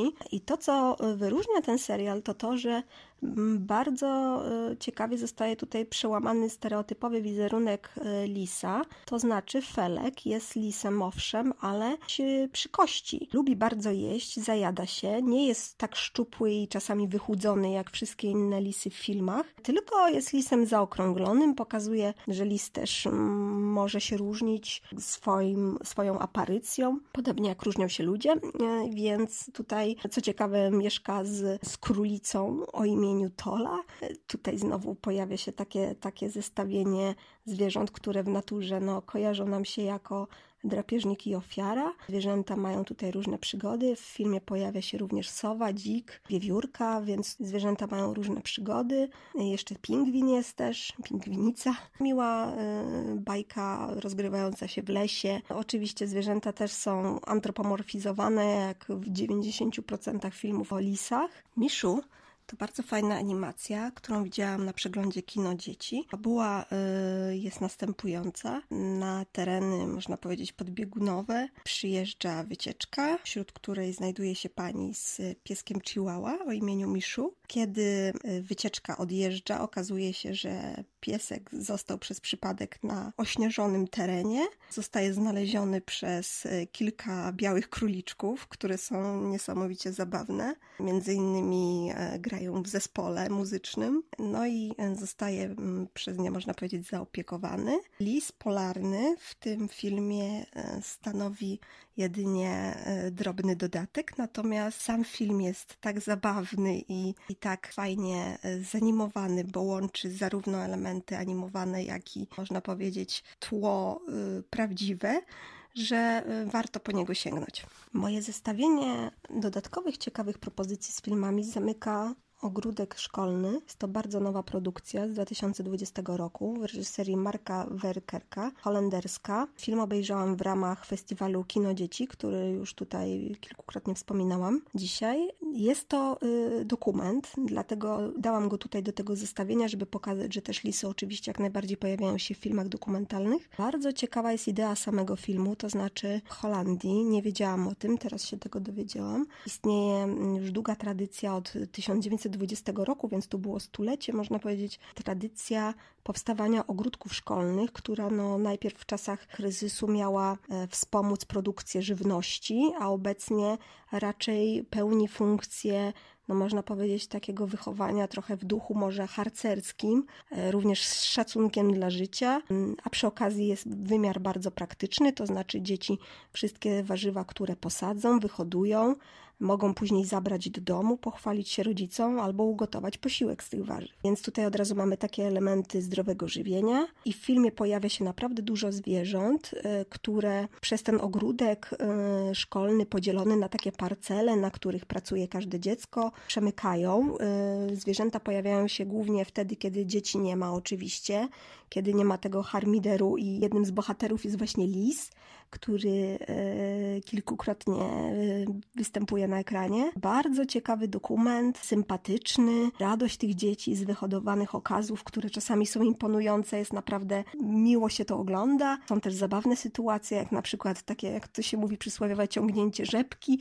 gdzie dziecko przewraca się, bo, bo, bo ciężko coś, prawda, wyrwać z ziemi. E, także bardzo fajny film. Chciałam jeszcze zwrócić Waszą uwagę na wątek lisic, ponieważ w wielu filmach pojawiają się bardzo wyraziste samiczki tego gatunku, które różnią się od siebie zarówno budową fizyczną, stylem, jak i charakterami. W związku z czym postanowiłam stworzyć oddzielny podrozdział mojego podcastu zatytułowany Foxy Ladies. Tytuł nawiązuje do piosenki Jimiego Hendrixa pod tytułem Foxy Lady. E, Foxy Lady to lisiczka, ale też kobieta atrakcyjna. I tutaj rzeczywiście mm, te animacje potwierdzają na pewno również tą cechę. W związku z tym wybrałam kilka postaci isich i tak bardzo ciekawe postaci, zarówno pod względem charakteru, jak i stylu animacji, można znaleźć w bajkach z okresu ZSRR. Widziałam cztery takie produkcje, w których lisice pojawiają się i można powiedzieć, że dostrzegamy tam dwa typy lisic, jeśli chodzi o wygląd fizyczny. Jak lisica budowała kurnik z 1950 roku w reżyserii Pantielejmona Sazonowa To film, w którym e, lisica e, buduje kurnik, który zostaje następnie przedstawiony królowi, w którego rolę wciela się lew. Lisica wygląda tak, jak gdyby była w sukience, jest bardzo szczupła, ciało jest wydłużone i ta sierść właśnie przypomina fałdy jakby sukienki, zwłaszcza na, na dole ciała, ale również lisica chodzi w pelerynce jest bardzo usłużna, ale oczywiście jest to jej podstępne działanie, ponieważ gdy tylko ma okazję, krada kurnik z kur. Drugi typ lisicy, jaki występuje w rosyjskich bajkach z tego okresu, to skarb Jerzyka z 1954 roku w reżyserii Piotra Nosowa i Olgi Chodatajewej, w którym lisica Wygląda przepięknie, mm, jest pełna gracji, jej ciało jest bardzo elastyczne, ogon jest niesamowicie puszysty, ciało jest bardzo wydłużone, można powiedzieć takie aerodynamiczne. Lisica jest bardzo sprytna, e, zajada się winogronami, jest też taka afektowana, jest dobrą aktorką, potrafi e, osiągnąć swoje cele manipulując zwierzętami, ale też ludźmi, ponieważ udaje martwą e, schwytana i przy pierwszej nadarzającej się okazji y, ucieka. Mm, bardzo mi się podoba ta postać, jeśli chodzi o stylistykę i w ogóle te bajki rosyjskie z lat 50., y, a jest ich bardzo dużo, możecie je znaleźć na YouTube, są naprawdę wizualnie przepiękne. Oczywiście oparte są na mm, podaniach ludowych, na baśniach i no naprawdę warto po nie sięgać, bo są mało dostępne, a jest to świetna tradycja rosyjskiej animacji, e, o której warto sobie przypomnieć. Kolejna lisia bohaterka, którą dla Was wybrałam, to Lady Marion z ekranizacji Robin Hooda z 1973 roku. Lady Marion jest tutaj oczywiście o wyższym statusie społecznym niż Robin Hood. Gra w tenisa skórą, jest elegancka, dostojna, ale po wielu latach udaje jej się odzyskać miłość i tworzy z Robin Hoodem ciekawą parę. W Lisie i Psie z 1981 roku pojawia się lisica o imieniu Vixie. Zachowały się e, szkice do tego filmu, w których, na których możemy zobaczyć tę postać. Lisica jest pełna wdzięku, e, czarująca, niby nieśmiała, ale szybko e, udaje jej się zdobyć serce Toda. W Kurczaku Małym 2005 roku, czyli z remake'u filmu, występuje Foxy Loxy. I tutaj niespodzianka, ponieważ lisica w niczym nie przypomina wcześniej omówionych postaci. Nie tylko odstręcza swoim wyglądem, ale i jest bardziej złośliwa. Życharka bajka uralska to kolejny przykład lisicy podstępnej, złej, przebiegłej, ale lisica wygląda jak dziewczynka. Ma sukienkę, warkoczyki, jest zabawna. Cały czas się złości, próbuje włożyć do pieca rezolutną dziewczynkę, która bardzo nam przypomina Maszę z Maszy i Niedźwiedzie. Najbardziej mi się podobają te momenty, kiedy liścia pędzi, ale pędząc z porwaną dziewczynką może się spodziewać za chwilę odwetu opiekunów dziewczynki, czyli psa i kota. Dość zabawna animacja, też oparta oczywiście o takie wątki ludowe. Wystarczy spojrzeć na nastroje postaci i na tą stylistykę taką ludową. W Rango mamy Angelikę. To jest lisica, która wygląda trochę jak wywiórka, moim zdaniem. Jest bardzo elegancka, taka stylizowana, można powiedzieć, na, na lata 30.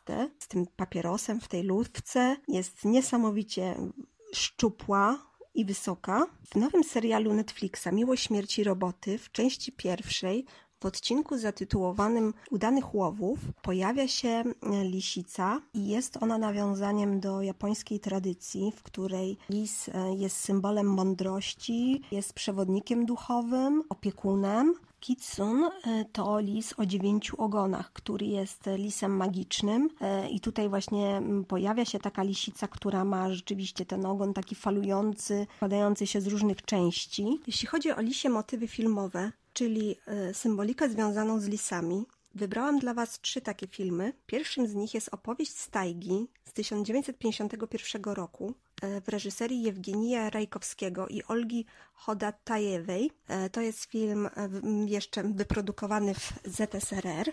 I tam w scenie, w której wnuczek rozmawia z dziadkiem, na parapecie widzimy pośród różnych figurek, które ten dziadek e, wytwarza, takie rękodzieło, widzimy właśnie mm, sylwetkę lisa i przez dłuższą część tej sceny ten lis jest widoczny. Drugim takim przykładem jest Polowanie na lisa z roku 1966 w reżyserii Vittorio De Sichi i to jest koprodukcja amerykańsko-brytyjsko-włoska. W tym filmie oprócz tego, że Peter Sellers zachowuje się jak lis i nosi przydomek lis, ponieważ jest złodziejem, jest sprytny i wymyka się stróżom prawa, widzimy również aktora, który stara się naśladować mimikę i zachowania lisa i tą taką dzikość, niepewność, również takie, mm, można powiedzieć, żarłoczne pożeranie posiłku, ale też bardzo dobrze widać to w scenie, w której zostaje nagi y, przyłapany przez y, kobietę, która wiesza pranie i właśnie ten przestrach i to takie skulenie się w sobie jest bardzo charakterystyczne dla lisów. E, oprócz tego w mm, czołówce tego filmu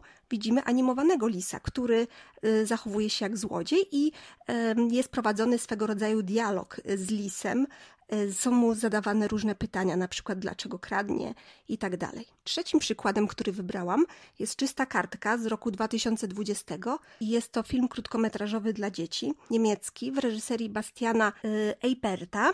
Film opowiada historię babci i wnuczki. Babcia jest malarką i mm, wśród jej nagród, które zdobyła w różnych konkursach, znajduje się statuetka e, Złotego Lisa. Lis pod postacią maskotki jest również obecny na półce w pokoju dziewczynki. I pora na moją e, topową trójkę, czyli takie filmy o lisach, e, można powiedzieć must watch, które Wam bardzo polecam i które też mm, jakoś na mnie wpłynęły, zrobiły na mnie największe wrażenie, więc zaczynam zaczynamy. Miejsce pierwsze.